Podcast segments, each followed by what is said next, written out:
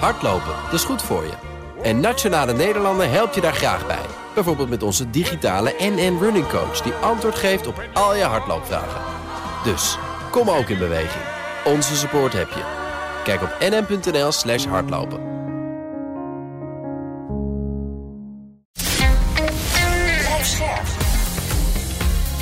BNR Nieuwsradio. De AEX-factor. Wesley Weerts, Jelle Maasbach. Inderdaad, de AEX-factor, de podcast voor de slimme belegger. Elke week een nieuwe gast die je bijpraat over beurzen, beleggen en vermogen opbouwen. En deze week Jos Versteeg van Insinger Gillissen. Het is de echte versie, hè? Het is geen, geen robot, maar het is de echte Jos. Hoe bewijs ik dat? Want, uh... Daar moet je wat dingen aan uh, aanklikken. Ja, dus okay. met die plaatjes, hè? Ja, oh, ja. Moet je een zebrapad, moet je zebrapad verstoppen. Ja, oh ja, dat is goed. Dat zal ik even doen. En ik maak deze slechte grap omdat we het met Jos gaan hebben. Deze aflevering over kunstmatige intelligentie. Artificial intelligence is making rapid strides. There's talk of a new evolution that could fundamentally change life on our planet. Waar u waarschijnlijk niet bang voor bent, maar wel goed over na moet denken, is kunstmatige intelligentie. Stephen Hawking, de wetenschapper, hij zegt het. Kunstmatige intelligentie kan onze beschaving zelfs verwoesten. I love to sing karaoke using my new artificial intelligence voice. I'm sorry Ja, aan de zangkunsten moet misschien nog gewerkt worden. Maar we gaan het dus hebben over kunstmatige intelligentie. Wat kan AI wel en niet? Hoe groot is die markt? En nog belangrijker, hoe groot kan die worden? En wat zijn de beste AI-aandelen? En op welke nieuwe toepassingen moet jij je geld zetten? Uh, Jos, laten we even beginnen bij gewoon het begrip kunstmatige intelligentie. Want dat is een containerbegrip. Maar wat valt daar allemaal onder? Het is best wel lastig. Als je naar definities zoekt op internet, dan uh, kom je er niet echt heel goed uit. Ja, je hebt de vandalen erbij gepakt. nou, eigenlijk heel simpel gezegd is het machines die zelfstandig taken kunnen uitvoeren. En daarbij misschien dus ook dingen die wij nu zelf doen over kunnen, kunnen nemen. Want dat is vaak het idee, toch? Ja, dat je dus niet meer zelf in hoeft te grijpen, maar dat de machine zelf beslissingen neemt. Daar komt het dan uh, vaak op neer. Ja. ja, en waarom is kunstmatige intelligentie juist nu zo populair? Want het is ja, iets wat eigenlijk al, al jaren, al decennia lang bestaat. Maar nu heeft iedereen en ook elk bedrijf het erover. Ja, het is heel lang een, een grote belofte geweest, inderdaad. Uh, er is in de jaren negentig, weet ik nog, dat, dat, het, dat het heel groot zou worden. Dat had je ook al spraakherkenning. Ja. Maar het komt vooral door de het exponentieel toegenomen computerkracht. Uh, waardoor het mogelijk was om big data te gebruiken. Dus enorme hoeveelheden data die we vroeger niet konden bewerken. Dat kan nu wel. Die, ja. die, chips zijn zo snel geworden dat je daardoor wel patronen kan vinden. En door het op die manier te doen, dus niet te veel met die algoritmes te werken, maar gewoon eigenlijk data te gaan crunchen. Daarmee zijn toch behoorlijke uh, vervorderingen gemaakt. Is dit meer dan een modegeel? Want de jaren 90 hadden we het erover, nu weer. Maar ja, uh, nee, komt nu wel het, van de grond. Ik denk dat het nu echt wel van de grond gaat komen. Er zijn, als, je, als je naar veel voorbeelden kijkt, dan is het nog heel beperkt. Hè. Ik denk dat iedereen wel uh, kent als je bij een uh, verzekeraar of zo uh, naar de website gaat en dan rechts onderin zo'n zo'n vakje ziet, kan ik u helpen? Dat zijn ook allemaal, dat is ook artificiële intelligentie. Nou, met hele eenvoudige basic questions kom je misschien een end, maar over het algemeen leidt dat tot buitengewoon veel irritatie. Ja. Maar daar, dat is wel het begin. Zo beginnen we. Dus we zijn denk ik nog wel in een heel vroeg stadium hoor. En we gaan het zo meteen verder over hebben dan veel meer over kunstmatige intelligentie. Maar eerst naar een overzicht van de afgelopen week. En dat was een hele, hele drukke week. Jos zei het al toen hij de studio instapte. Ja. Zweet van zijn voorhoofd ja. geveegd. Met heel veel kwartaalcijfers en nieuws over de bedrijven zelf. ASR wordt in één klap de op één na grootste verzekeraar van ons land. Het koopt de Nederlandse tak van Egon. Egon ontvangt miljarden en 30% van alle aandelen van ASR. Het hoofdkantoor van Egon staat zelfs aan het Egonplein in Den Haag. En daar blijft het voorlopig ook gewoon staan. Egon heeft nog een, een asset management uh, tak. Blijft voorlopig wel het hoofdkantoor daar houden. Maar operationeel is Egon straks uh, nagenoeg verdwenen uit Nederland. De CEO van Arcades, Peter Oosterveer, stapt onverwachts op. Hij trad in 2017 aan toen het bedrijf in zwaar weer zat. Zijn termijn liep nog een paar jaar, maar hij kiest nu voor zijn gezin en niet voor zijn carrière. Ik kan uh, met, uh, met zekerheid zeggen dat in de afgelopen 20, 25 jaar ik wel altijd uh, de prioriteit heb gehouden op mijn gezin, maar niet in alle gevallen als de nummer één prioriteit. Er zijn ja. heel vaak andere dingen geweest en dat zijn dan voornamelijk natuurlijk de zakelijke dingen die, die mm. belangrijker wa waren. En ook deze week was er weer een Britse politieke update. Er is een nieuwe premier, Rishi Sunak. En misschien is dat wel de rijkste die ze daar ooit hebben gehad. Right now, our country is facing a profound economic crisis. Shell overtrof alle verwachtingen. De winst die kwam uit op bijna 9,5 miljard dollar. Ruim twee keer zoveel als vorig jaar en dus meer dan waarop analisten rekenden. Minder goed zag het eruit bij de techreuzen. Alphabet ging keihard onderuit op de beurs. Net als Meta, Microsoft en Amazon. En het lijkt voorlopig niet voorbij. We think there's an ongoing uh, technology storm that has moved in. And right now, most of our clients are sitting on the sidelines waiting for the storm to clear. They're underneath the bus uh, stop uh, uh, with the hail coming in and they want to come back out. But it's going to be another quarter or two before these companies clear the deck.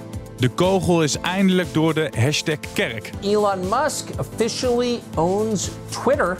Musk liet gelijk van zich horen. De directie die mag op zoek naar een andere baan. Immediately after the news came out, the CEO of Twitter, Parag Agarwal, and the CFO, Ned Siegel, are both gone. Ja, niet alleen Musk, ook de nieuwe baas van Philips grijpt hard in. Wereldwijd worden er 4000 mensen ontslagen. En in ons land gaat het om 800 banen. Het is het vijfde kwartaal op een rij met winst- en omzetdaling. En dat zal volgens Philips ook in het volgende kwartaal nog aanhouden. Daarom zegt het bedrijf dat ingrijpende maatregelen nodig zijn. Bepaalt een activistische aandeelhouder van Unilever wie de nieuwe baas wordt? Daar lijkt het wel op. Nelson Peltz voert namelijk volgens persbureau Reuters gesprekken met mogelijke opvolgers van Ellen Job. Het lijkt erop dat de Vos nu in het kippenhok zit, schreven analisten van Jeffries eerder over Nelson Peltz en zijn aankoop van aandelen Unilever. Ja, Jos, wat vind je van dat deze oude Vos zich nu met het CEO-schap bemoeit? Ik vind het wel mooi. Hij heeft een prachtige staat van dienst. Eh, Als je kijkt wat hij toen de tijd bij Procter Gamble heeft gedaan, daar heeft hij toch echt eh, flinke verbeteringen doorgevoerd. Dus ja, af en toe een beetje peper eh, in zo'n organisatie wil wel eens helpen. Maar dat een, ja, een groot aandeelhouder, kan je hem noemen, zich zo actief eh, met een, eh, het CEO-schap bemoeit, dat is dus niet iets geks. Nee, dat heeft hij bij Procter Gamble ook gedaan. Hij heeft zich vooral ook daar met, met managementlagen bemoeid. Met, eh, met de salariering. hoe, hoe je incentives kan geven aan bedrijven. Hij eh, is, is een belegger die er heel actief mee bezig is. En ook ja, duidelijk hele goede resultaten heeft geboekt. Ik heb Ellen Joop meerdere keren geïnterviewd. Aardige man, maar ja, het hele kerkhof ligt vol met aardige mensen, zeggen ze dan altijd. Hè? Als je naar de koers kijkt, hij heeft niet heel best gedaan bij Unilever. Ik ben benieuwd hoe jij ernaar naar kijkt. Is het ook echt nodig dat die Nelson Peltz eh, daar de boel eh, op schut? Ja, dat denk ik wel. Ook relatief heeft die koers het niet, niet goed gedaan ten opzichte van de concurrenten. En eh, ik denk dat een beetje opschudden bij Unilever wel goed is. Want ze hebben, nou, ik denk al een paar jaar achter elkaar hun doelstelling niet gehaald. En wat je een beetje ziet bij Unilever lijkt een beetje. Ja, niet zo'n, eh, eh, hoe zeg je, zo'n weerbare organisatie. Agile noemen ze dat zo mooi in het Engels. In het Nederlands is er niet zo'n goede vertaling voor. Maar je ziet eigenlijk dat ze, ja, eh, kijk, ze zouden met hun positie in opkomende markten, zouden ze veel harder moeten kunnen groeien. En dat valt een beetje tegen bij Unilever. En ik denk dat het ook wel het probleem is dat ze veel te veel merken hebben. Ze hebben een paar hele goede merken van meer dan een miljard. Maar heel veel kleine merken eromheen. En eh, Joop heeft wel een aantal dingen gedaan. Hij heeft er thee verkocht onder andere. Daar, de, daar, daar zit ook de groei een beetje uit. Maar als je kijkt, een, een goede CEO die zoekt constant eh, waar, waar de, de, de langere termijn trends zitten. En die, en die, eh, ja, die, die, die, hoe zeg je dat, die snoeit in zijn organisatie. Hè, waar, waar de groei wat minder gaat worden. Dat stoot je af. Nee, de afgelopen vijf jaar heeft hij niet veel spectaculairs gedaan. Ja, hij wilde een grote overname doen die mislukte. Dat leidde Nou, dat ze was wel spectaculair. Ja. Ja, maar ook leidde tot een spectaculaire aftocht van hem eigenlijk. Dus jij zegt ze hebben iemand nodig die echt harde keuzes durft te maken. Of, of echt durft in te grijpen. Ja, dat denk ik wel. Ik denk wel dat er harde keuzes gemaakt moeten worden. Er wordt natuurlijk al heel lang gespeculeerd hè, over het opdelen van Unilever. Dus een redelijke kans dat dat gaat gebeuren. Het is een beetje dus, eh, ja, de vraag wie ze gaan eh, neerzetten in de top. De eerste indicatie is natuurlijk altijd: is het iemand van buiten of is het iemand eh, van binnen het bedrijf? Ja, wat denk jij? Wordt het een interne of een externe? Ja, ik denk dat het eh, toch wel extern eh, wordt. Er zijn een paar namen genoemd. Dat vond ik wel interessant. Las ik in de Financial Times. Dat is een rijtje met drie hele moeilijke namen. Eh Remy Edgel, dat is de CEO van eh, Nestlé Asia. Ja.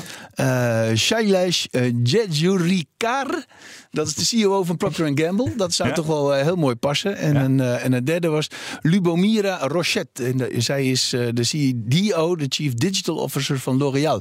Dat, dat vind ik toch wel aardige namen. Dat zijn eh, ja, prachtige bedrijven met prachtige namen... die waarschijnlijk ook wel hele goede mensen hebben aangetrokken en opgeleid. Dus ik denk dat, dat, wel, eh, dat ze daar een mooie keuze zou, voor zou hebben, als dat zou lukken. Ik ben zo blij dat jij die naam uitspreekt, want ik kan totaal geen naam uitspreken. Dus aan jou de eer dit keer. Maar India's is ook niet zo best hoor. Nou, er is nog een andere naam, Dave Lewis. Die, eh, die kwam van Unilever vandaan. En dat is wel heel opvallend. Die deed de turnaround van Tesco. Dat zou ook eh, mooi passen. Maar die is nu CEO van Halion. En Halion is die divisie die Unilever wilde overnemen. Dus die kennen elkaar ook waarschijnlijk. En, eh, maar ja, die man die, eh, ja, die zit er net als een beetje speculatief. Eh, ik, ik, zou toch die eerste drie en misschien toch wel die Lumomira, die zou ik toch wel een hele grote kans geven. Ja, waar ook wat uh, moet gebeuren, dat zijn uh, bij big tech bedrijven. Want beleggers werden deze week getrakteerd op een uh, ijskoude douche. Microsoft en Alphabet boekten de traagste omzetgroei in jaren. En Meta verliest maar liefst een kwart van zijn beurswaarde na zwaar teleurstellende resultaten. Het verhaal is eigenlijk samengevat: consumenten, bedrijven en adverteerders die houden de hand op de knip. Ehm, begint ook big tech inflatie inmiddels te voelen, Jos? Ja, de hand op de knip. Ik, zo erg is het ook niet. Ik, ik, ik, vond het eigenlijk nog wel meevallen allemaal. Van, kijk, Alphabet een omzetgroei van 6%.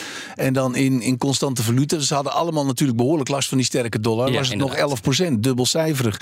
Microsoft plus 16%, dubbelcijferig. Maar dus beleggers hadden er toch meer van verwacht... gezien de beurskoersen die toch uh, fikse dalingen laten zien. Ja, daar, die, daar, daar zag je wel wat, uh, wat punten inderdaad. Vooral bij, bij, bij Alphabet zag je bijvoorbeeld dat YouTube erg teleurstellend was met min 2%. En kijk, Alphabet is natuurlijk een bedrijf wat relatief zwaar in die advertentieinkomsten zit. Hè? Ja. En dat is, uh, ja, dat is gewoon heel cyclisch. En dan weet je gewoon, dat wordt minder. Dat zagen we toen ook toen de pandemie net begon. Toen gingen ze keihard onderuit.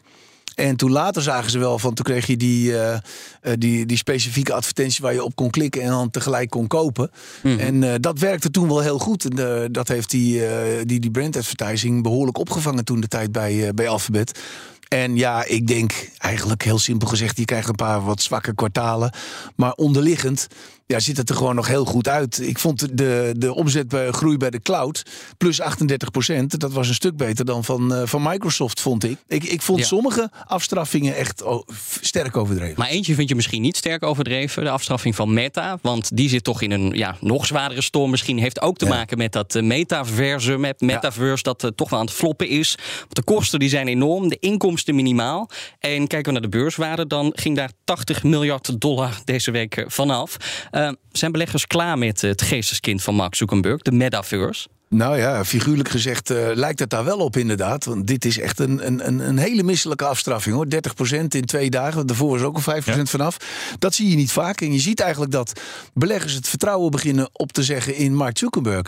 Kijk, hij neemt een enorme gok. Het, het, het gaat allemaal wat minder met, uh, met, met Facebook vooral. Hè. Je ziet daar dat ze last hebben van uh, Apple. Maar ook enorme last hebben van, van dus die, die privacy maatregelen ja, van precies. Apple. Nou, en, maar ook van de concurrentie van TikTok. En dus wat je ziet is hun, hun omzet staat onder druk. En nu willen ze een gok doen om in die metaverse iets te doen. Maar heel veel mensen hebben toch moeite met... Ja, wat is die metaverse nou precies? En als je dan kijkt hoe, hoeveel, hoe zwaar daar uh, Mike Zuckerberg daarop inzet, dan zou je zeggen, hij zet alles op rood. Hè? Maar Zuckerberg en, zegt, ja, het is de nieuwe geldmachine, uh, we moeten alleen even geduld hebben. Maar geloof ja. jij dat? Ja. ja gelo jij gelooft het wel. ja. En hoe, Zuckerberg ja. mooi. Ja, ja, nee, ik heb zelf die aandelen ook. En, uh, dus ja, dan, uh, maar dan, dan, geef ik het maar de kans van uh, dat het op termijn wel wat wordt. Ik, ik geloof wel in die, jij, in die waar, metaverse. Waar put jij de hoop uit dan? Nou ja, kijk, ze hebben een tijdje geleden hebben ze een contract gesloten met, met Microsoft om die avatars te gaan ontwikkelen voor, voor Microsoft. Microsoft wil er over een tijdje mee gaan beginnen met Teams, dat je een beetje fatsoenlijk avatar krijgt. En op termijn zie ik daar wel wat in hoor. Van, kijk, als je bij McDonald's bijvoorbeeld McDonald's Drive aankomt rijden, dan hoor je nu nog zo'n stem daar. Maar na verloop, over een paar jaar staat daar een tv-camera met een keurige dame die jou antwoordt in elke taal waar jij haar mee aanspreekt. En die gewoon kan praten. En die, je ziet het verschil niet of het een echte dame is of dat het een avatar is. Nee. En ja, dat heeft tijd nodig. Het ligt allemaal heel ver weg. En het is ook heel lastig om precies je erbij voor te stellen hoe het eruit gaat zien. Maar we kunnen het er later nog wel even wat, wat verder over hebben. Uh, het is een gok. En ik denk zelf van, kijk, beleggen is vaak ook. Het, er zit een element van gokken in. Natuurlijk moet je niet alles op rood zetten. Maar als het een klein deel van je portefeuille is, kun je, kun je die gok nemen. Maar Niemand zet, weet het. Zet Zuckerberg zelf niet te veel in op rood. Want je kunt ook zeggen, ja, hij focust nu wel heel erg op dat metaversum. Moet hij, moet hij niet veel meer ook in in die core business eh, investeren. En misschien wat minder in die, eh, in die metaverse. Kijk, als je ziet wat Apple bijvoorbeeld geïnvesteerd heeft in de iPhone en wat ze daaraan terugverdiend hebben, ja, dat is fenomenaal geweest. En ja, kijk, het probleem is natuurlijk, en dat is ook de reden waarom die koers zo in elkaar klapt. Het Zuckerberg die heeft de meerderheid van de stemrecht. Dus die kan gewoon zijn eigen feestje vieren en bepalen wat hij zelf bepalen wat hij wil. Maar die gaat dit gewoon dus overleven. Hij blijft zitten, denk jij? Ja, natuurlijk. Hij, heeft, eh, hij is de baas. Dus heel simpel. En, maar uiteindelijk moeten we zien hoe ver die koers onder druk komt. En eh, de- hij moet dan ook toch wel, wel, wel wat meer duidelijkheid komen. Van wat, wat gaat het nou precies worden met die metaverse? Dat is een gok, dat weet niemand. Niemand weet het. Niemand weet het. Eh, wat je misschien wel weet, wat je van deze podcast vindt. Vind je dit een leuke podcast? Ja, ik vind het heel erg leuk. Heel erg leuk. Mooi. Vind je, dit Vooral als, die afleveringen met Jos Verstegen. Nee, nee, nee, nee, nee. Het is altijd leuk. Ik luister er graag naar. vind je dit als eh, luisteraar ook? Abonneer je dan op de AX Factor. Dan ben jij als eerste op de hoogte van het laatste beursnieuws. De AEX-factor. Wesley Weerts. Jelle Maasbach. Gewelddadige robots op holgeslagen algoritmen en computers die kunnen denken. Het is een populair thema in science fiction films en een bejubelde Netflix-serie als Black Mirror. Die laat de mogelijkheden, maar ook de nadelen van kunstmatige intelligentie zien. This is crazy. The fuck? Crazy shit, huh? Ja, om met de nadelen te beginnen, Jos. Elon Musk die waarschuwt al jaren voor de gevaren van kunstmatige intelligentie. Hij zegt, het is gevaarlijker dan kernwapens. Het met hem eens? Ja, er zit wel. Ik, ik kan me herinneren dat ik een tijdje geleden in een krant een grote advertentie zag. Waarin ook gewezen werd op de gevaren van kunstmatige intelli- intelligentie in oorlogvoering. Dat je eigenlijk drones krijgt die zelf kunnen denken, soldaten die, die eigenlijk zelf denken, robots die kunnen schieten.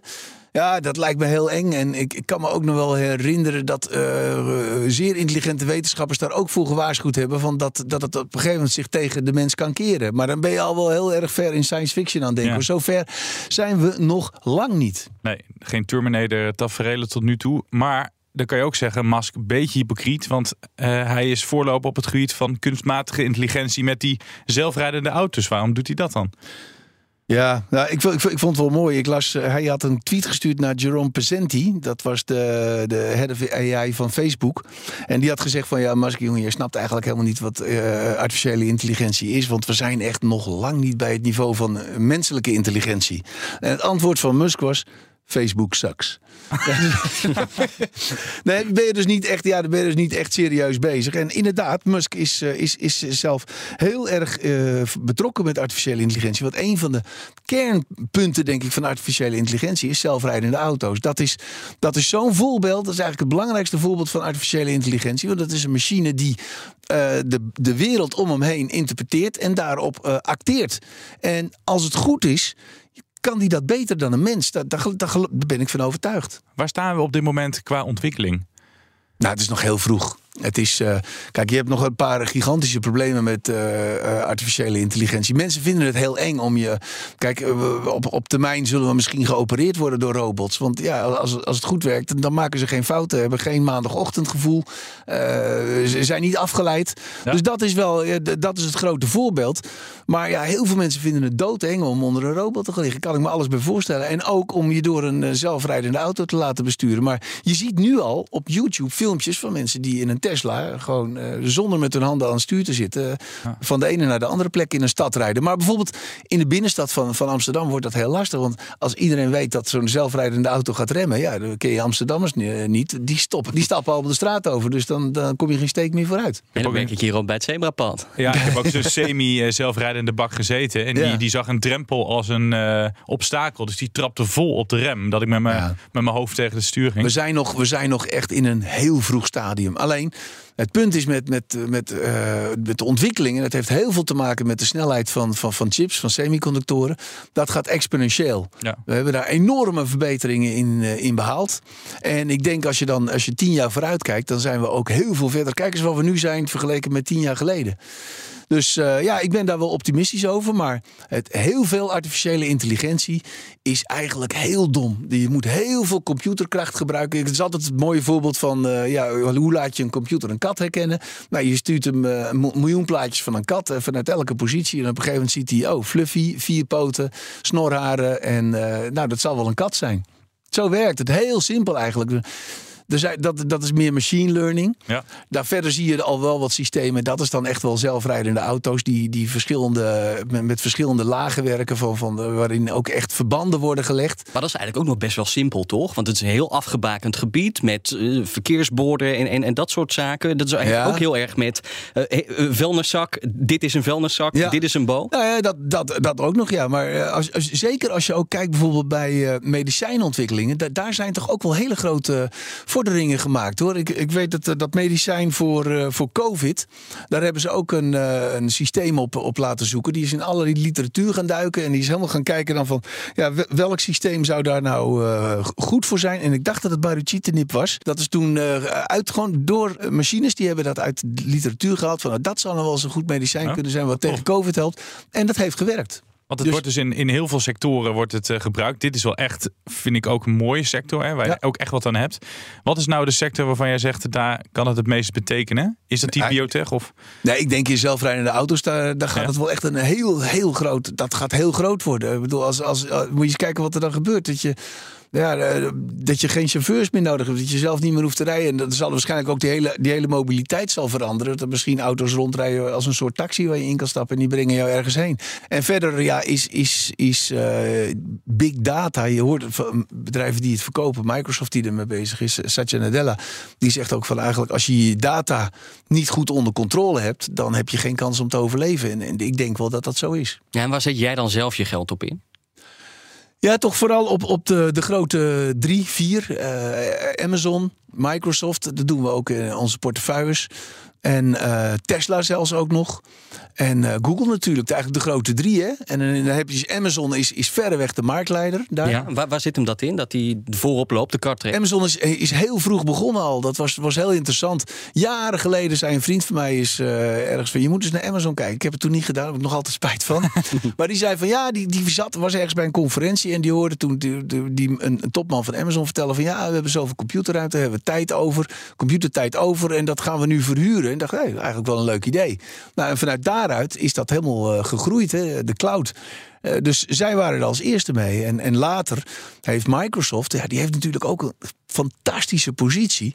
Want die, die had de besturingssystemen van de PC's en vervolgens de besturingssystemen van de, de netwerken. Ja. Ja, en dan was die overstap, alle contacten met bedrijven, is de overstap naar, naar een, een cloud natuurlijk relatief makkelijk. En je ziet ook dat Microsoft eh, Amazon ook behoorlijk inhaalt. Waar zit hem dan dat kunstmatige intelligentiestukje in? Bij, bij hun eigen eh, diensten, bijvoorbeeld Nou, in de dat, dat, dat leveren ze als extra, zeg maar. Je kan, je, je kan al, je, al je data en al je werk kan je dan in de cloud zetten. Dat is eigenlijk eh, eh, SaaS, Software as Infrastructure. Ja. Of, eh, Software as a service. heel goed, Software as a Service. Maar je hebt nog eh, Software as Infrastructure ook. Dat is eigenlijk de eenvoudigste versie. Mhm. Maar vervolgens krijg je nog eh, als, als een ser- services erbij. Waarin je dus die data die je daar dus in die, op, op die servers zet van Microsoft of van Google of van Amazon. Waarin je die data kunt laten bewerken. Maar En- eigenlijk geef je je data aan het bedrijf en die verzamelen dat en die worden daardoor slimmer. En dat werkt exponentieel. Ja, dat, dat, dat Ja. is ook nog wel weer zo. Ja, maar ga het maar zelf doen. Eh, dat is ook niet echt makkelijk.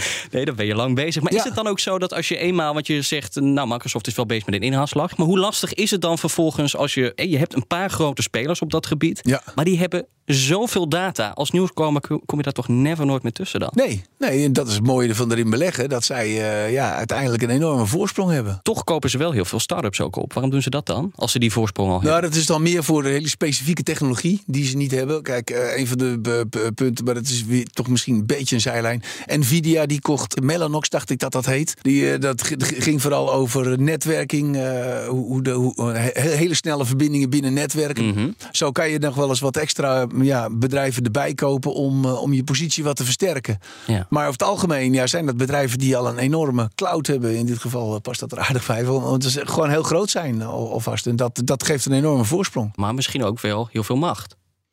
Ja, ja dat is Te waar. veel? Te veel? Ja, daar, daar zijn wij in Europa altijd heel erg bang voor. En ik- vind dat wel een groot verschil met Europa en met Amerika. Als je kijkt naar Amerika, daar zie je dat zij daar niet zo bang voor zijn. Die vinden het prima als er hele machtige grote bedrijven zijn. En het werkt enorm in hun voordeel. En zij hebben dan wel goed toezicht, heel goed toezicht vind ik, die erop letten van oké, macht is goed, maar als je er maar geen misbruik van maakt, anders word je gepakt. Nou, dat, dat doen ze goed, vind ik. In Europa doen we dat minder handig, want wij vinden van je, wij eigenlijk van ja, wij willen geen machtige bedrijven hebben. En wat gebeurt er dan? Ja, technologisch gezien stellen we vrijwel niks voor in Europa. Het gaat, uiteindelijk moet je mondiaal denken. Je hebt twee blokken. Je hebt aan de ene kant China, aan de andere kant heb je Amerika. En die vechten tegen elkaar. Ze- Zeg maar, het zijn niet meer de allergrootste vrienden. En dan zit je als Europa tussenin. En als je dan zorgt dat je dus niet eh, zegt van ja, we willen eigenlijk geen sterke bedrijven. Ja, dat vind ik een beetje kortzichtig. En hoe machtiger dat bedrijf, hoe interessanter het ook voor jou als belegger kan worden natuurlijk. Ja, natuurlijk. Ja. Ja. en dat is, dat is natuurlijk, eh, dat soort bedrijven zoek je. Ik heb regelmatig in presentaties laat ik altijd zo'n kasteel zien met zo'n slotgracht eromheen. En dat is eigenlijk het idee van Warren Buffett. Beleg in een bedrijf wat een ijzersterke positie heeft en die positie ook heel goed kan verdedigen. Maar dan is er eigenlijk geen Europees bedrijf met kunstmatige intelligentie waar jij als belegger je geld op in zou zetten. Want wij lopen Nee. mijlen ver achter. Nee, wij hebben daar een, een groot probleem. En ik denk een van de prachtigste bedrijven, ja, ik moet het toch nog even noemen, is ASML. Die dan inderdaad de machines levert om die hele snelle chips Ja. te maken. Dat is een beetje het enige. Het is wel een, eh, een pijnlijk vooruitzicht dat we het dan moeten hebben van of de Amerikanen of, of de Chinezen, dat wij het hier op het Europese vasteland niet meer konden. Ja, ik denk dat dat echt heel belangrijk wordt in de, in de, in de komende jaren. Nog veel belangrijker gaat worden. Want bedrijven die dat goed op orde hebben, die hebben een enorme voorsprong. We- Wesley zei net wel wat interessants, want eh, het zijn vooral de, de bestaande spelers, de, de Amazons en de, en de Microsofts van deze wereld, die er goed uitzien. Ja. Je hebt nu natuurlijk nog wel eens nieuwkomers. Zie je nog wel eens een keer een IPO voorbij komen of een, of een andere nieuwkomer waarvan je denkt, nou, die heeft wat moois. Ik kijk er niet, niet zo vaak naar. Ik, ik vind het ook vaak wel lastig. Ik heb druk zat. En, en met eigenlijk de grote bedrijven. En dat, dat vind ik veel handiger. Dat zijn toch bedrijven die je kent. En ik vind het altijd heel prettig toch om te beleggen in bedrijven die je goed kent. En om dan, ik heb er altijd moeite mee. Als een nieuwkomer, dan kijk je er even naar en denk je van nou het zal wel. Maar eh, ik le- beleg het liefst in bedrijven waar je al twee, drie jaar naar kijkt. Waar je echt goed weet wat je aan het doen bent. Maar die vriend van jou, die zei toen Amazon nog niet zo Ja, groot was, nee, daar moet je in beleggen. Ja. Die, die kans heb je laten liggen. ja, die kans heb ik laten liggen. Maar misschien Heb je nog hebben wat ze ook andere wel- tips? Of, eh? Maar nu weer dus misschien. Hey, we hebben het ook Ja. vaak gehad over greenwashing. Is er ook zoiets, denk je, als AI-washing? Dat, dat bedrijven iets heel moois voorstellen op dit gebied, maar dat Nou, het dus een grote soft blijkt te zijn? Dat weet ik niet. Nee, nee, ik denk wel dat dat, dat. Nee, dat zijn vooral die grote bedrijven die er heel goed mee bezig zijn. En Google natuurlijk ook, dat vergeten we ook eens met, met dat Wayuu, de zelfrijdende auto. Daar hoor je altijd heel weinig over. Daar krijg je ook bijna niks over te zien. Nou, daar zijn ze wel heel ver mee. Ja, hoe weet je dat ook. dan? Dat ze Nou, dat is een probleem. Ja, dat is een probleem. Daar, hebben we, daar krijg je heel weinig inzicht in. Bij Apple krijg je er ook vrijwel geen inzicht in. Dat is een grote gok. Als je het dan hebt over AI-washing, wat we ook zien bij greenwashing, het mooier voorspiegelen van de werkelijkheid. Want hoe, ja, hoe, hoe voorkom je dat je als belegger trapt in allerlei mooie praatjes van ja, wij zijn heel groot in kunstmatige intelligentie en blijkt dat in werkelijkheid helemaal dat is niet heel zo te zijn. moeilijk. Dan heb je echt een punt. Ik, ik zou het niet weten. Je moet, sommige bedrijven- bedrijven moet je ook een beetje vertrouwen. Er zit ook een beetje gevoel bij. Je- toch uiteindelijk met beleggen, je kunt er heel lang over redeneren. Je kunt ellenlange rapporten schrijven. Maar uiteindelijk komt het erop neer van eh, koop je het verhaal of niet. Als je inderdaad de, de bedrijven op, op hun blauwe ogen moet geloven, dan zou je misschien maar beter kunnen zeggen van je moet investeren in bedrijven die al iets doen, die een bestaande bedrijfsvoering heeft, dat goed werkt. En daarnaast misschien iets doet met kunstmatige intelligentie in plaats van dat je investeert in bedrijven die ja, als core business eh, AI Nou, hebben. Want Er is geen bedrijf wat echt eh, helemaal als core business doet. Hoor. Kijk, voor al die bedrijven, Amazon, eh, Microsoft, Google, die doen het allemaal erbij. maar zo'n start-up bijvoorbeeld. Ja, nou, da- daar kijk ik dus wat minder Nee. naar. Maar wat je zegt, eh, je zegt van ja, je moet ze op hun blauwe ogen geloven. Dat, zo gek zijn we ook weer niet. Hè? Kijk, die bedrijven hebben kwartaalcijfers. Dus je kijkt wel altijd heel goed naar die kwartaalcijfers. En ik kijk zelf heel sterk in wat investeert het bedrijf. Je ziet bijvoorbeeld bij Apple, maar ik zag dat ook van de week bij, bij Bezi, bijvoorbeeld bij ASMI. Als het dan wat minder gaat, dan gaan die bedrijven, die hebben allemaal ijzersterke balansen. En als het minder gaat, gaan zij extra investeren. Omdat als het moment, zij weten ook, er komt een moment dat het weer opwaarts gaat. En dan hebben zij geïnvesteerd in de nieuwe spulletjes. En die kun je dan goed verkopen. Dus dat is het beleid. Eigenlijk zo simpel is het. Ja, Jos, ik onthoud altijd hele onzinnige dingen. Maar ik weet nog dat we in 2017 heb ik het met jou gehad over het feit dat China toen packleader wilde worden op het eh, gebied van kunstmatige intelligentie. Ze wilden dus wereldleider worden. Daar hebben we toen ooit een keer in de, in de ochtendspit samen met Bas van Werf over gehad. Toen met jou. Ja. Ehm, dat was toen de doelstelling. Zij wilden de grootste worden. Je had het net over de Amerikanen tegenover de Chinezen. Ja, ja. Hoe staan die Chinezen er nu voor? Zijn zij op dit moment de wereldleider? Of, of De Chinezen hebben, hebben op het ogenblik een enorm probleem, denk ik. Echt een enorm probleem. En eh, Dat was eigenlijk een jaar of twee geleden. eh, Zagen de Amerikanen dat ze een heel groot probleem hadden. Want zij zagen dat ze eigenlijk achter begonnen te lopen op het gebied van artificiële intelligentie. En er was een heel interessant rapport. Dat zal ik ook nooit meer vergeten. Van Erik Schmidt voor de eh, National Security Committee, geloof ik. En die hebben helemaal onderzocht van hoe ziet een toekomstige oorlog eruit. En daar, daar werd heel duidelijk gesteld van die win je als je het vers bent met artificiële intelligentie. Eh, die wapensystemen die zijn zo belangrijk als die zelf kunnen denken, zelf veel sneller kunnen reageren dan mensen. Die oorlog die win je. En Amerika was daar zo benauwd voor. Ik zag een eh, rapportje van Nicolas Chaillon, dat was de eerste Chief Software Officer van eh, het Pentagon. En die, heeft, die, die vond het eigenlijk zo beroerd in Amerika gaan dat hij zijn ontslag had genomen.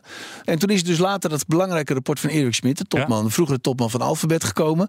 En is gezegd dat Amerika daar enorm voor moest oppassen en alles in het werk moest stellen om China tegen te houden dat zij leidend zouden worden in artificiële intelligentie. En China kon dat doen omdat zij veel minder last hebben van data-integriteit. Zij konden miljoenen Chinese gezichten scannen en daardoor gezichtsherkenning veel makkelijker dan, eh, doorvoeren. Zij deden niet zo moeilijk over die data. Ja. En op een aantal gebieden, dus eh, hoe, hoe je iemand volgt op internet.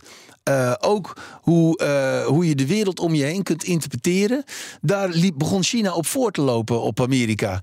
Eh, als je het hebt over autonome artificiële intelligentie, van hoe, hoe je, hoe je in, in interactie doet met de echte wereld, daar loopt Amerika nog voorop. Maar die Amerikanen beseften dat ze aan het verliezen waren van de Chinezen. Nou, en toen er zijn dus maatregelen gekomen, dat is al een jaar geleden, zijn er al maatregelen gekomen waarin gezegd was van jongens, stoppen met het leveren van machines aan, aan China. Ja, die staat sancties. ook letterlijk in het rapport, ASML mag niet alleen die EUV-machines meer verkopen aan China, maar ook niet de ARF-machines. Ja. Dus ze moeten volledig afgesneden worden. Dus dat is het probleem waar je in het begin van je antwoord eh, over begon. Dat dat is het probleem van China. Dat ze geen. Dat is een gigantisch probleem voor ze. Dat wordt echt heel groot. Want Chi- China heeft al, die hadden Made in China 2025 was een groot eh, plan van ze. Ja. En daarmee moest China, en dat hadden ze heel goed gezien, eh, onafhankelijk worden van de wereld. Moest een eigen semiconductorindustrie op gaan zetten. Zoals Japan gedaan heeft toen de tijd en waar Korea mee bezig was.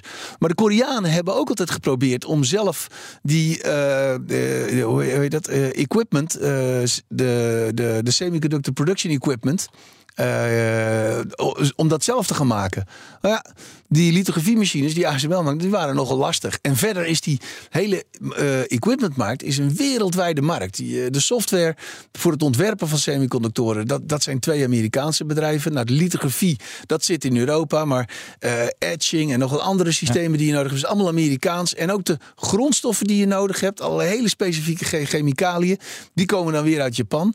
Het is een hele wereldwijde markt. Er is eigenlijk geen enkel land die dit op zichzelf kan. Maar die strijd nu tussen die Chinezen en die Amerikanen doet me een beetje denken toen aan die strijd om, om eh, de, man, de eerste man op de maan. eh, Ja, de- dat Sputnik-effect. Ja. Ja, Sputnik-effect. Dat, ze, dat dat echt het nieuwe gevecht wordt. Ja, ja, en dat is echt eh, heel essentieel. En de Amerikanen menen dat ook echt keihard. En die voeren dat ook kei en keihard door. En um, ja, ASML zegt, eh, wanneer was dat? Vorige week geloof ik. eh, Ik weet het niet. ASMI had er wat meer last van. En die zeggen gewoon van ja, ASML zegt van ja, wij zijn een Europees bedrijf. We hebben er geen last van. Maar uiteindelijk is die eh, Amerikaanse arm heel erg lang. En uiteindelijk wordt daar ook eh, druk gezet, denk ik, op Nederland. Verdere druk zal er gezet. Want het is echt gewoon van strategisch belang. De Amerikanen zijn daar heel serieus in. En die gaan meer druk zetten. Alleen wat er dan gebeurt. Kijk, ongeveer de helft van de chipproductie in, in, in China is, is, is lokaal. En die lopen nog jaren achter. Die maken de eenvoudige chips boven de, eh, ver boven de 24 nanometer. Eh, boven de 100 zelfs nog. En eh, de, de, aller, eh, de, de, de meest hoogwaardige eh, chipproductie wat in China zit, dat zijn buitenlandse bedrijven. Dat zijn TSMC en Samsung die daar fabrieken hebben. Maar als die, die hebben nu uitstel gekregen nog. Als die zometeen ook niet meer mogen inkopen, dan zullen die gewoon uit China vertrekken. Dus dan moeten ze het met hun hele oude machines gaan doen. En dat gaat niet lukken. Dus dan zal China dus blijft nog jarenlang afhankelijk van het inkopen van chips uit het buitenland. En eh nou, zo gauw als de de Chinezen ook maar een idee hebben dat dat gebruikt wordt voor defensieve doeleinden, ja, wordt het lastig. En ook de bedrijven in China gaan er enorme last van krijgen. Alibaba, Tencent, Baidu. Die, hebben de, die krijgen er grote problemen mee. Die gaan enorm achterlopen. Maar dan is Amerika op het gebied van kunstmatige intelligentie per definitie de winnaar. Ja, absoluut. Absoluut. Het is, nou, denk ik wel, eh, als je het op wereldniveau strategisch bekijkt, is dat heel essentieel. Dat is Ja. heel belangrijk. Je had het net inderdaad dat het een beetje leek op eh, de eerste man op de maan. Maar ik kan me ook herinneren dat eh, vol- volgens mij de topman van Google ooit heeft gezegd: kunstmatige intelligentie is belangrijker dan vuur, de uitvinding van vuur of elektriciteit. Dus ja, als, Je dan, ja, als je dan als Amerika het alleenrecht bijna hebt op kunstmatige intelligentie en daar zo ver op voorop loopt, ja. dan maak je ons ook wel heel afhankelijk in. Ja, maar dat, dat zeg ik ook. Europa is op alle gebieden heel erg afhankelijk van, eh, van Amerika. Nog altijd. Dat is heel, heel jammer. Het is niet alleen semiconductors. Maar kijk eens naar hoe we met onze energiebronnen omgaan. Ik las van de week in de krant. Vond ik wel echt een, hele andere lijn. Maar dat was iemand van Halliburton, geloof ik. Die had gezegd van nou, als wij in, eh, in Europa o- ook schalieolie en schaliegas gaan boren. Dan, dan kunnen we voor de komende 50 jaar hebben we voldoende energie. Die man die sprak, die sprak de Duitsers daarop aan. En die zei nee, dat doen we niet. Want dat, er, ko- komen hier geen eh, Halliburton auto's op onze Duitse heuvels. En die, de Duitsers dachten nou, we kopen het wel bij Rusland. En we- Ja. daar werden we voor de tweede keer gepakt. Want eerst was het Saoedi-Arabië met een olieboycott. En nu is het Rusland. En dus eh, Europa heeft daar een groot probleem. We lopen enorm achter op het gebied van semiconductoren. En ook nog eens een keer op onze energievoorziening. Dat is echt een groot probleem. Op langere termijn. Ik heb het niet over volgend jaar. Precies. En eh, nog even dan eh, tot slot als, als belegger. Want we eh, kwamen er net al op hoe selecteer je nou bedrijven? In welke bedrijven stop je je geld? K- kan ik het als volgt samenvatten dat je vooral dus naar de grote spelers moet kijken om zeg maar je risico's zo klein mogelijk te maken? Ja, we, we kijken vooral naar grote, grote spelers. Eh, ja, die hebben over het algemeen een, eh, ja, een, een groot netwerk om zich heen. Vaak een, een sterk merk opgebouwd, een, een track record. eh, ja, en dat, werkt het beste. En het liefst ook, wij, wij noemen dat mission critical products. Als je producten verkoopt, dingen verkoopt die, een, die nodig zijn. Kijk naar de ontwerpwereld. Daar kun je niet werken zonder Adobe. Maar zeg je dan Dat ook vooral, bedrijven. kijk naar bedrijven die vooral aan de infrastructuurkant zitten qua kunstmatige intelligentie? Eh, ja, maar natuurlijk ook de software. Dus eh, wij, kijken dan, wij beleggen dan vooral in de, in de grote bedrijven: Amazon, Microsoft, eh, Alphabet en, en Tesla. Dankjewel, Jos Versteeg van Insinger Gillissen, die tot kunst heeft even om over kunstmatige intelligentie te praten. Ja, dat was hem, de AX-factor van deze week. Maar ja, je hebt ongetwijfeld nog lang niet al onze afleveringen beluisterd. Want ik heb ze geteld. Het zijn er bijna 100 eh, inmiddels. Dus luister ze terug en abonneer je ook vooral. En dan zeggen wij eh, tot volgende week. Tot volgende week. Hardlopen, dat is goed voor je. En Nationale Nederlanden helpt je daar graag bij. Bijvoorbeeld met onze digitale NN Running Coach... die antwoord geeft op al je hardloopvragen. Dus, kom ook in beweging. Onze support heb je. Kijk op nn.nl slash hardlopen.